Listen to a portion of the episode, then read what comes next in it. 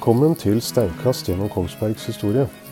Eh, Denne podkasten handler om Kongsbergs historie og vil handle om gruvehistorie, Kongsberg og området rundt, konger og øvrighet, bønder og arbeidere, og alt det jeg syns er spennende i den forbindelsen. Gruvehistorie blir et slags midtpunkt for en ferd gjennom historien fra tema til tema, uten at jeg har noen bestemt struktur og strategi, men eh, kaster stein i alle retninger. Jeg kommer til å vingle hit og dit gjennom historien, spekulere, spinne av gårde i retninger jeg syns er spennende, og kanskje finner jeg også noe som kan være interessant også for andre enn meg. Så derfor hjertelig velkommen til Steinkast gjennom Kongsbergs historie. God fornøyelse.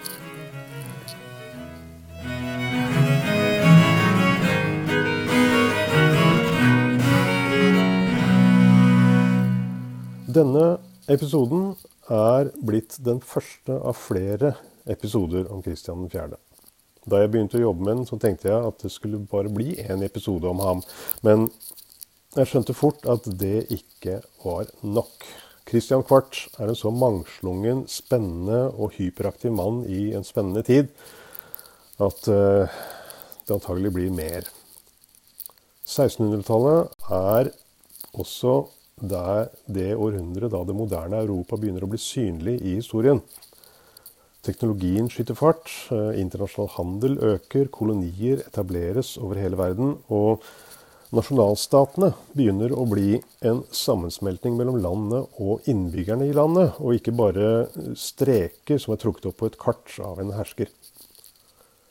Dessuten så begynner konflikter og uroligheter å bli større og mer omfattende enn før.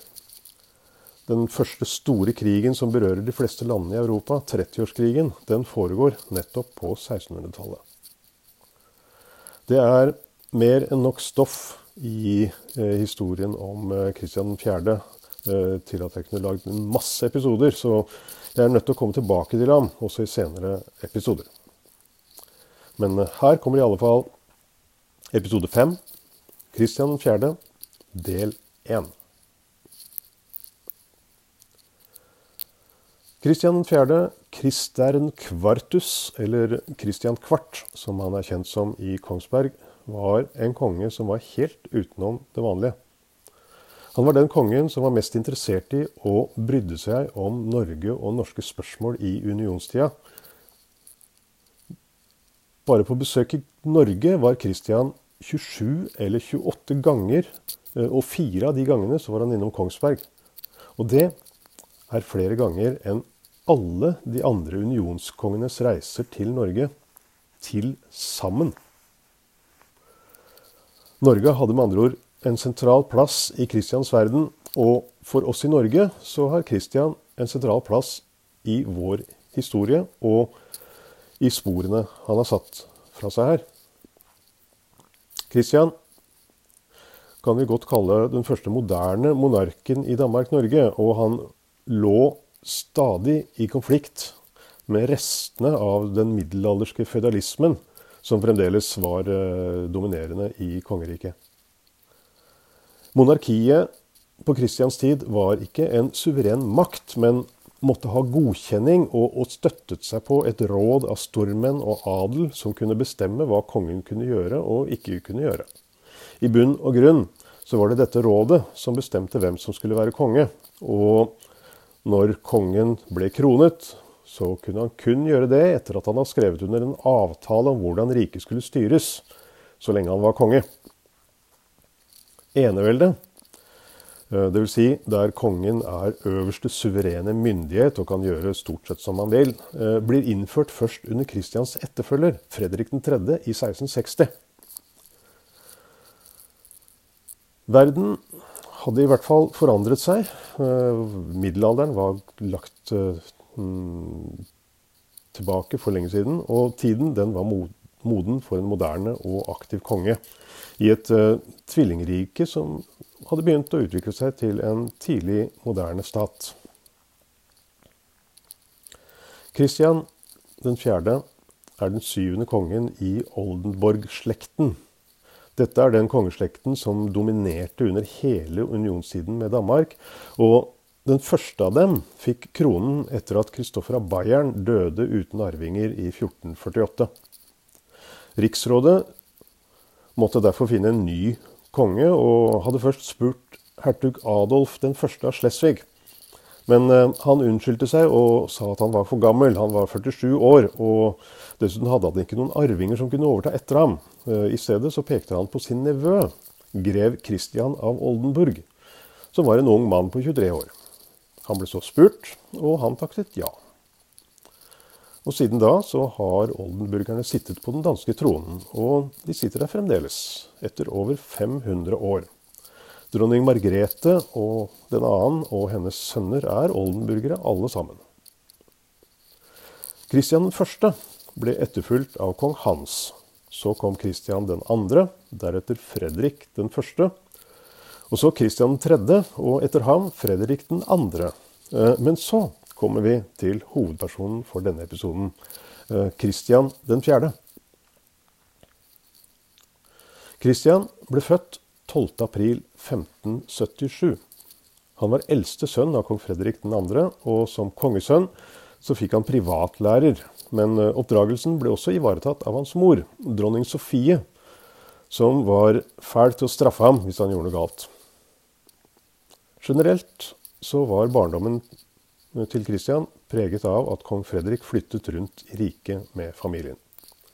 Dette gjorde han delvis for å forhindre at prinsen ble utsatt for dårlig innflytelse ved å være for lenge på ett sted, eh, men også pga. frykten for smittsom sykdom. Pest og andre smittsomme sykdommer var en stadig tilbakevendende trussel, og de som kunne, de flyktet fra et pågående pestutbrudd. I 1588 døde Fredrik 2., og Fredrik hadde fått riksrådet til å utnevne Kristian til sin tronfølger, allerede da Kristian var tre år gammel. Men for at dette skulle aksepteres av riksrådet, så måtte han skrive under på en håndfesting, en kontrakt mellom stormenn og adel på den ene siden og kongen på den andre. Jeg kommer tilbake til håndfestingen litt senere. I 1588 var Kristian bare 11 år gammel, så han var ikke myndig og kunne ikke undertegne noen håndfesting. Så mens man ventet på at han ble myndig, så utnevnte riksrådet en formynderregjering som skulle styre landet. I mellomtiden fortsatte Kristian sin utdannelse, mens formynderregjeringen styrte rikene. Denne makten holdt de på så lenge de kunne, men prinsen ble etter hvert eldre, og jo eldre han ble, jo mer selvstendig og egenrådig ble han. Til slutt måtte formynderne gå med på å krone ham, og dagen ble bestemt til å være den 29. august 1596. Kristian var da blitt 19 år gammel og var mer enn klar til å ta kontrollen og innta rollen som konge. Han begynte å planlegge og gjennomføre den største og mest praktfulle kroningsfesten noen noensinne hadde sett. Hele København ble satt på hodet fra begynnelsen helt til avslutningsfesten den 8. september. Ti dager med salutter, fanfarer, turneringer, besøk av kongelige, servering til både store og små. Bl.a. kongens gave til københavnerne. Det var en helstekt okse som var fylt av akerhøns, kapuner, kyllinger, gjess, harer og pattegriser, spekket utenpå med pølser og svinesteker samt en fontene med fire rør som var satt opp rett ved siden av. To av rørene rant det rødvin fra, og de to andre hvitvin. Og da folk slapp til, så ble det et enormt kappløp der deltakerne brukte kniver, økser og bøtter og fat for å sikre seg de lekreste godbitene. Det ble bestilt og laget en ny og praktfull kongekrone for anledningen, som besto av tre kilo rent gull, som var besatt av 970 edelstener, diamanter og perler. Symbolene i kongekronen er nesten like viktige som at kronen selv skulle være vakker.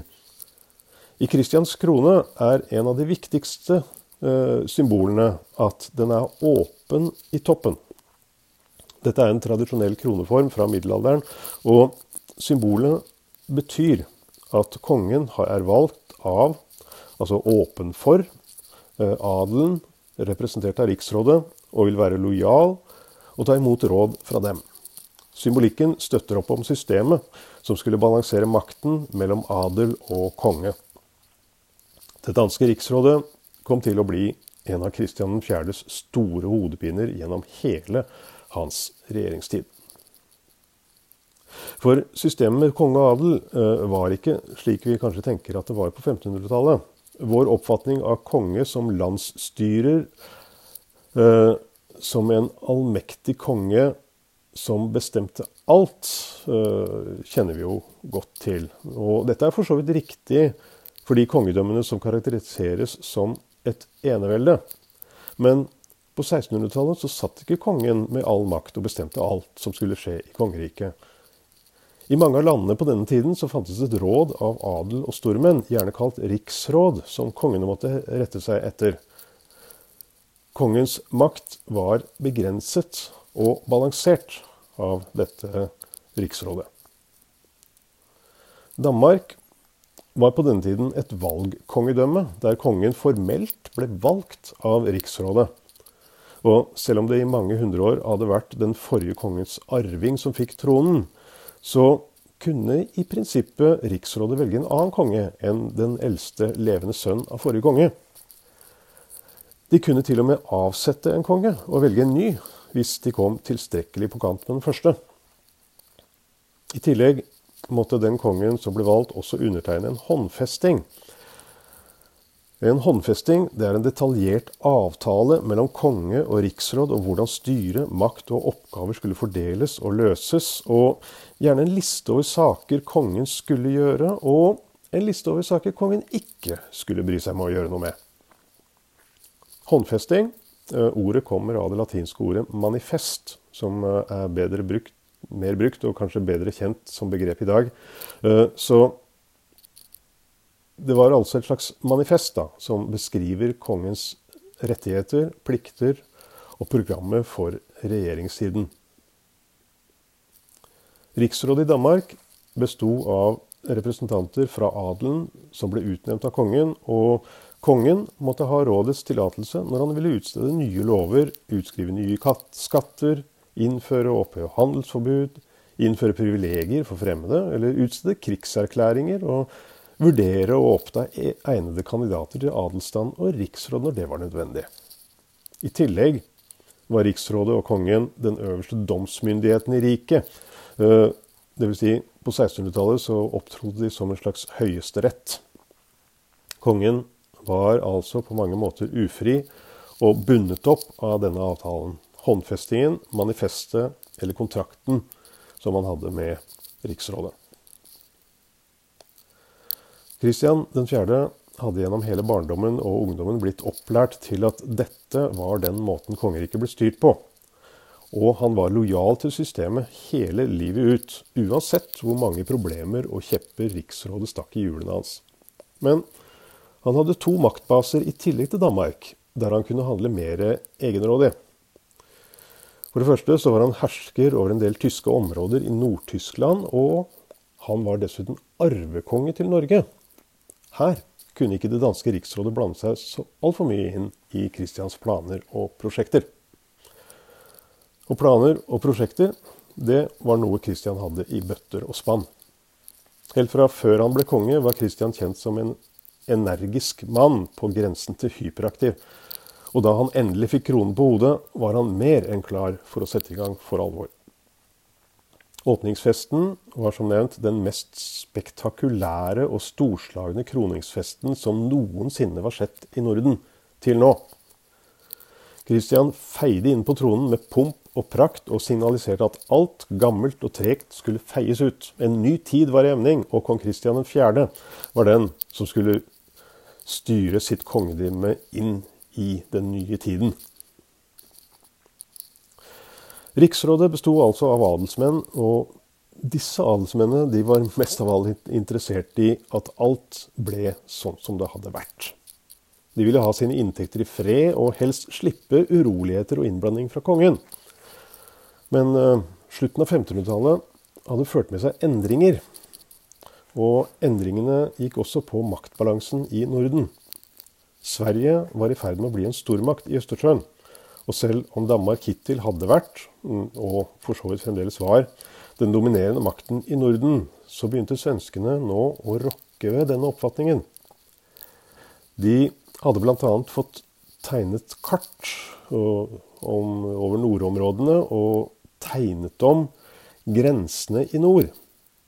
Slik at Norge fra Varanger helt ned til Malangen var blitt fargelagt som svensk land. I tillegg krevde Sverige skatterettigheter helt ned til Tysfjord sør for Lofoten, og hadde stadig vekk skatteinnkrevere ute for å hente såkalt finnskatt. Kristian 4. fikk se et litt kart, og han ble rasende. Han sendte ut og fikk plassert flere nye lensherrer på Vardøhus og i Nordland, og de fikk streng beskjed om å kontrollere området. Norge strakte seg på denne tiden hele veien fra Båhus og opp til Vardøhus, og ingen svensker skulle komme og fortelle Kristian noe annet. Han begynte å legge en plan for å demonstrere akkurat det. Kristian ville foreta en stor reise nordover i kongeriket. Han ville seile en liten flåte skip oppover langs hele norskekysten, og på den måten skulle han demonstrere for svenskene at de ikke hadde noen rett til disse områdene. Han skulle selv lede denne ekspedisjonen som øverste kaptein og leder. Riktignok såkalt incognito. Han kalte seg for kaptein Christian Fredriksen under hele ferden, men likevel så var det han personlig som bokstavelig talt hadde hånden på roret. Riksrådet syntes at det var en særdeles dårlig idé. Sjøreiser var farlige. Skip sank stadig vekk, og en så lang reise så langt vekk fra rikets sentrum i København ville ta ham vekk fra hans viktige oppgaver som monark og symbol for rikene. Skulle kongen risikere livet på en slik unødvendig reise bare for å irritere svenskene? Hva kunne han vinne med det? Det var bedre om han kunne løse floken med diplomati. En, en slik provokasjon kunne føre til krig, og det var det ingen i Riksrådet som var særlig interessert i. Ikke minst fordi krig kostet penger, og gjerne førte til at det ble innført nye skatter, som da gikk på bekostning av deres inntekter. Men Kristian 4. han var verken redd for sjøreiser eller svensker, og ignorerte Riksrådets advarsler. Den 17. april 1599 la skipet Viktor ut sammen med åtte andre skip fra København. Og på Viktor sto den da 22 år gamle kaptein Christian Fredriksen ved roret og styrte nordover. Den 25. april nådde de Bergen, den 26. Trondheimsfjorden, og den 10. mai ankom flåten Finnmark. Nordkapp dagen etter, før de så den 14. mai endelig komme frem til Vardø etter litt under én måneds seilas. Vardøhus på denne tiden var en liten klynge med fiskehytter og jordhuler, i tillegg til en kirke og borgen, som skulle være beskyttelsen mot fremmede makter. Men uh, maten de ble tilbudt der, uh, var ifølge dem selv så dårlig at uh, de valgte å spise om bord i skipene. I snø og hagl seilte de da videre til Kola, og der traff de representanter for russiske myndigheter og ble traktert grundig og vel. De oppholdt seg i området helt til 26. mai, før de endelig satte kursen hjemover igjen. Hjemturen ble preget av dårlig vær og storm, men til slutt ankom de Bergen den 21. juni. Og på den måten hadde Christian bevist at uh, Norge, det var øh, det han som hersket over, og Norge gikk fra Bohuslän helt opp til Vardøhus. Bergen var på denne tiden Danmark-Norges nest største by, øh, bare slått av København, og var et viktig knutepunkt for handel og virksomhet. I juni skulle det avholdes en herredag for Norge her Eh, en herredag er en slags høyesterett og den øverste domsmyndigheten i kongeriket. Den skulle avholdes en gang årlig, og ble ledet av representanter for riksrådet eller kongen selv, hvis han var til stede. Hvis kongen ikke var til stede, så kunne en sak likevel bli henvist til ham til avgjørelse på kongens retterting i København.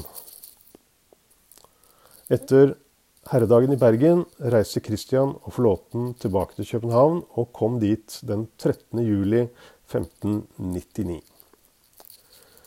I tre måneder hadde Christian vært borte fra hovedstaden, og med denne ferden hadde han, mente han selv i hvert fall, sendt et utvetydig signal til svenskene om hvem som har overhøyhet over det nordlige Norge. Dessuten så hadde Christian gjennomført en ekspedisjon med glans, og sikkert til betydelig ergrelse for det konservative riksrådet. Det skulle imidlertid vise seg at svenskene ikke ga seg så lett. Skatteinnkrevingen i nord fortsatte, og på den måten provoserte de stadig vekk Danmark, Norge og kong Kristian. Kristian begynte å argumentere sterkt for å gjøre opp på slagmarken med Sverige.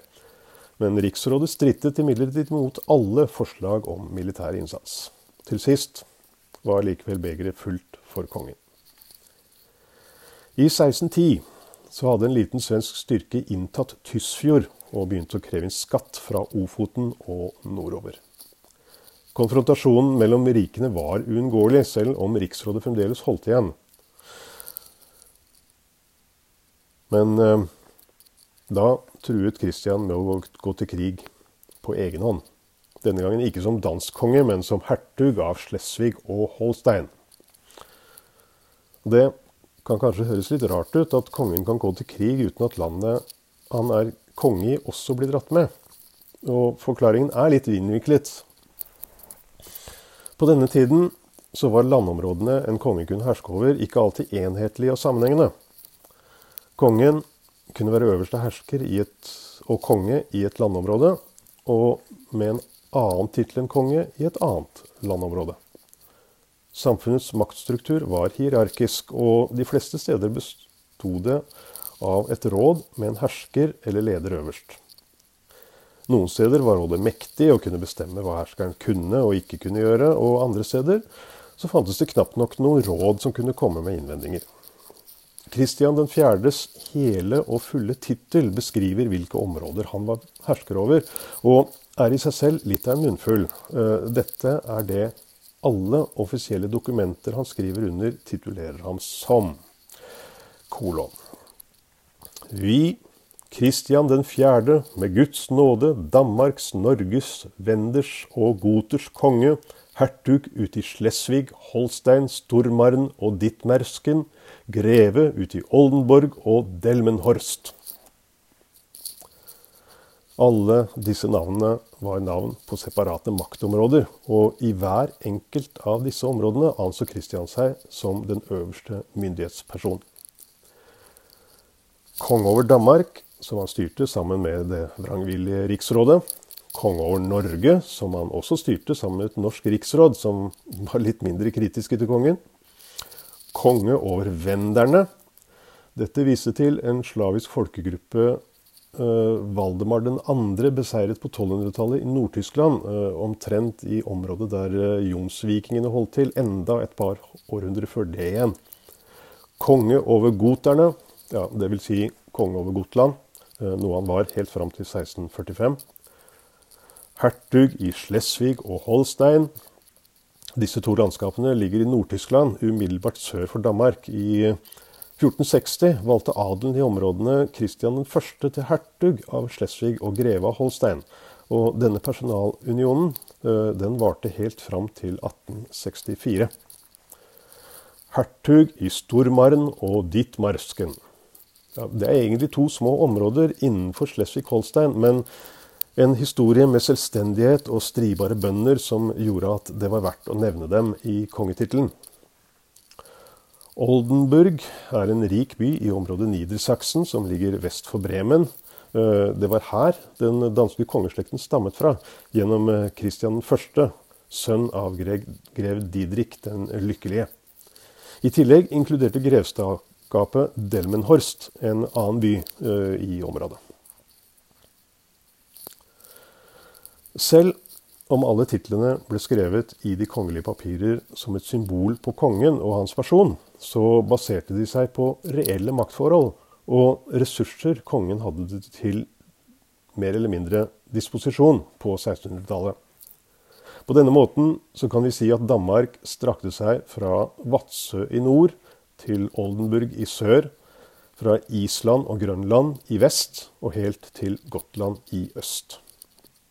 Kristian hersket over et mangfoldig og omfattende konglomerat av stater, grevskap og områder. Nå truet han riksrådet med å gå til krig som hertug av Slesvig og Holstein. Og det kunne han gjøre fordi dette området var rikt på ressurser og mennesker, og han hadde store inntekter fra det. Og dermed så kunne han også mobilisere soldater her. Han skriver til riksrådet. Da ville vi her hos vår elskelige rikes råd ikke forholde at så fremt den samme feide på menige steders vegne ikke med oss ville samtykke og bevilge, men ville sondre seg fra oss uri denne viktige og oss høyligen angelegne sak, og intet la seg gå til hjerte og sinn av den spott og vanære. Oss hit inntil er bemeldte konge av Sverige, er vederfaren og dagligen jo lenger, jo mer enn skjer. Da er vi dog resolvert og tilsinnet for vår person og på våre egne vegne, som en hertug av Slesvig, Holstein etc., samme feide og krig ikke desto mindre at begynne å forfølge til å erholde våre gode navn og reputasjon. Og dersom vi da noe fruktbarlig kunne med Guds hjelp utrette, i hva for måte og maner det da kan skje, da slikt at komme oss selv og ikke noen i måte rike til beste. Beklager den uh, elendige danske uh, uttalen, men oversatt til moderne norsk så lyder dette noe sånn omtrent uh, Hvis dere fremdeles ikke går med på det, men finner dere i all den spott og vanære som vi har fått fra svenskekongen, og som vi fremdeles får hver eneste dag, så går vi til krig som hertug av Slesvig og Holstein etc. for å rette opp vårt gode navn og rykte. Og hvis det med Guds hjelp går bra for oss, så blir det bra for oss, og ikke rike. Kristian bruker selvfølgelig det kongelige vi og oss når han omtaler seg selv. Under store protester så gir da rådet etter og bevilget en ekstra skatt for å finansiere krigen. Og 4.4.1611 så ble det sendt krigserklæring til Sverige. Kalmarkrigen var dermed i gang. Det er under denne krigen det kjente skottetoget i 1612 foregår. Svenskekongen Gustav 2. Adolf hadde skrevet til en kontakt han hadde i Skottland, og bedt om å få tilsendt 3000 leiesoldater fra England og Skottland. Vervingen ble visstnok brutalt gjennomført, eh, og der fengsel ble tømt, rene kidnappinger av bønder og tjenestefolk. Og Englands konge, kong Jakob 1., fikk greie på det som foregikk. Han stoppet vervingen umiddelbart, men eh, ikke før tre kompanier hadde kommet seg av gårde. Eh, og omtrent 300 mann eh, gikk i land i Åndalsnes, innerst i Romsdalsfjorden. Og der tvang de to nordmenn til å være veivisere videre. Soldatene kom seg over til Gudbrandsdalen og dro nedover på den måten leiesoldater vanligvis gjorde på den tiden. Det vil si, de tok det de trengte, og det de kunne få tak i fra bønder og fastboende. Ryktene begynte å gå, og snart så samlet det seg en bonusstyrke ledet av to lensmenn. I et bakhold ble skottene overfalt, og mange av dem ble drept, mens resten ble tatt til fange. Dagen etter ble mesteparten av fangene massakrert av bøndene, og av 134 fanger så overlevde det bare 18, som siden ble ført til Oslo og etter hvert til København. Hendelsen det er kjent gjennom sagn, dikt, anekdoter og sanger fra århundrene etterpå. Og Sinclair-spelet, et historisk spel om hendelsen, er satt opp noen ganger på begynnelsen av 2000-tallet. Krigen ellers bølget fram og tilbake i nesten to år. Stort sett så var det danskene som dominerte. På et tidspunkt ble den svenske kongen Karl 9. så oppbrakt at han sendte en utfordring til duell til Kristian. Han eh, sendte en melding og skrev Vi, Karl den niende, med Guds nåde Sveriges, Gjøters, Venders, Finnars i Karelen, Lappers i Norrlanden og Esters i Lifland, konung, Låtetig, Kristjern den fjerde, konung til Danmark, veta at du har forgjort som ingen ærlig eller kristen konung at du, for at mer blod ikke skal spilles, begir deg i egen person og etter de gamle gøters lovlige bruk og sedvane, vil kjempe med oss på den slette marken med to av dine soldater, riddere av adelen, til stede. Der vil vi i egen person møte deg selv tredje. Vi ifører vår egen person kun klær uten noen brystplate eller harnisk, bare med en hjelm på hodet og vårt sverd i hånden, slik din person også ifører seg dette mot oss. De andre to som vi vil ha med oss, skal begge være i deres fulle harnisk, og den ene ha to pistoler og sitt sverd hos seg, og den andre en muskett og en pistol med sitt sverd. La de to som følger med deg være likedan bevæpnet og verget. Hvis du ikke gjør dette, så holder vi deg for ikke å være noen ærlig konge eller krigsmann. Kong Carl var 60 år gammel og hadde helseproblemer, mens Christian var 34 år gammel, frisk, rask og i framgang. Han tok ikke utfordringen alvorlig, men eh, så antagelig på hele brevet som en absurd skrivelse fra en mann som var i ferd med å tape. Så han skrev et uh, passende svar.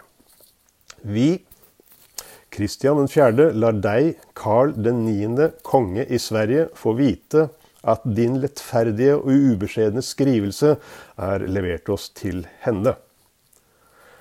Hva angår den ærlige kamp du tilbyr oss, så forekommer den oss full av spott siden den kommer fra deg, som allerede er slått av Gud i himmelen. Eh, han eh, antyder her at eh, svenskekongen har hatt et hjerteslag for ikke så lang tiden som han faktisk hadde hatt. Det er bedre å ydmyke deg enn å slåss og fekte med deg. En varm kakkelovn vil være mye bedre for deg og til mer hjelp enn en slik skjærmyssel og kamp, eller en god medikus som kanskje kunne sette hodet ditt i orden igjen. Du skulle skamme deg, du gamle narr, at du på denne måten gir deg på en ærlig herre. Det har du visselig lært av en gammel hore som verger seg med å skjelle. Om det var pga. Kristians svar eller den dårlige krigslykken, eh, vet jeg ikke, men eh, den 30. oktober, tre måneder seinere, så dør Karl 9. av Sverige. Og etterfølges av Gustav 2. Adolf, som da var 17 år gammel. Krigen kom aldri til noen endelig avgjørelse, øh, selv om det var Kristian som dominerte. Danmark-Norge hadde den største flåten, men øh, måtte støtte seg på leiesoldater på land. Sverige hadde en sterk og erfaren bondemilits, men var underlegne i krigsskip og mannskap. Til slutt gikk Kristian tom for penger øh, å betale leiesoldatene sine med. Samtidig som de andre landene i Europa, eh, da spesielt Nederland og England, presset hardt på for å få slutt på krigen. Handelen til Østersjøen var stoppet opp så lenge krigen sto på, og det tapte alle som drev med og var avhengig av handel på. Resultatet var likevel at Danmark-Norge og Kristian sto igjen som den definitive vinneren og det mektigste kongeriket i Norden. Fredsavtalen ble understrevet i knerød i januar 1613, og avtalen gikk bl.a. ut på at borgen Elsborg, som var erobret av Danmark-Norge, og som ga Sverige adgang til Atlanterhavet, ble holdt som pant for en krigsskadeerstatning på 1 million riksdaler. Dette utgjorde på den tiden omtrent 25 000 kilo sølv, og i vår tid er den mengden sølv verdt omtrent 175 millioner kroner. I 1613 så var det nok verdt atskillige ganger mer. Christian hadde nok tenkt at svenskene ikke kom til å kunne betale, og at han skulle få beholde borgen. Men eh, betale, det gjorde det. Og i 1619 så ble borgen igjen svensk. Likevel ga svenskene avkall på alle krav i Nord-Norge. Og det er nok pga. dette og, og, andre handlinger vi kan takke Kristian 4. for at Norge i dag er et land som strekker seg helt opp til Nordkapp og grense Jakobselv, og ikke slutter litt nord for Bodø. Danmark og Kristian 4. var etter denne krigen den ubestredte sterkeste makten i Norden, og en stormakt på linje med andre stormakter i Europa. I Sverige var den gamle kongen død, og en uerfaren ungdom satt på tronen. Gustav 2. Adolf var 19 år da fredsavtalen ble undertegnet. Kristian var 36. Kristian hadde sikret riket sitt, sørget for at inntektene av Øresundtollen, en stor og viktig kilde til eh, inntekter, fortsatte å komme inn, i tillegg til krigsskadeerstatningen fra svenskene. Han var, og ble i enda større grad, en styrtrik mann. Og Danmark-Norge gikk inn i en periode med velstand og vekst som få andre land i Europa kunne drømme om. Tømmer og fiskeeksport fra Norge, inntekter fra Øresundtollen, handel med landbruksprodukter Alt Kristians rørte ved, så ut til å bli til gull eller sølv. Kristian var den mektigste og mest vellykkede protestantiske monarken i Europa, og i den lange fredsperioden som fulgte, var han mer aktiv enn noensinne. Nye næringsveier skulle finnes og utnyttes. Ekspedisjoner til Grønland og Nord-Amerika ble sendt ut. En ekspedisjon ble sendt av gårde for å prøve å finne en sjøvei til Østen i nord, Nordvestpassasjen. I India så ble kolonien Trankibar etablert. Christian var en ustoppelig kraft med en enorm mengde energi og kapasitet. Han var opptatt av både smått og stort, skrev en rekke brev og ordrer om å forbedre det ene og bygge det andre. Og en av tingene han var opptatt av, var å finne metaller i de norske fjellene. Dette prosjektet ble i 1623 belønnet av en melding om lovende forekomster i et område som het Sandsvær. Og det var sølv som var funnet. Kristian skred til verket med sin vanlige ustoppelige energi og satte i gang undersøkelser, planlegginger og for å få i gang den nye potensielle inntektskilden. Han sendte ut ordrer og dro selv personlig av gårde for å ta funnet i øyensyn. Neste episode i denne serien vil handle om etableringen av sølvverket i Sandsvær. Kong Kristian vil bli en viktig person her, men også hvordan det på kort tid ble etablert en ny by og ny industri i området, og hvordan det påvirket livet der. Kildene jeg har brukt til denne episoden, er først og fremst Lars Roar Langslets biografi fra 1997, 'Kristian 4., konge av Danmark og Norge'. En av de få biografiene som faktisk finnes på norsk om Kristian 4. I tillegg så støtter jeg meg veldig tungt på Wikipedia og andre ressurser på nett for opplysninger om Christian og den tiden han levde i.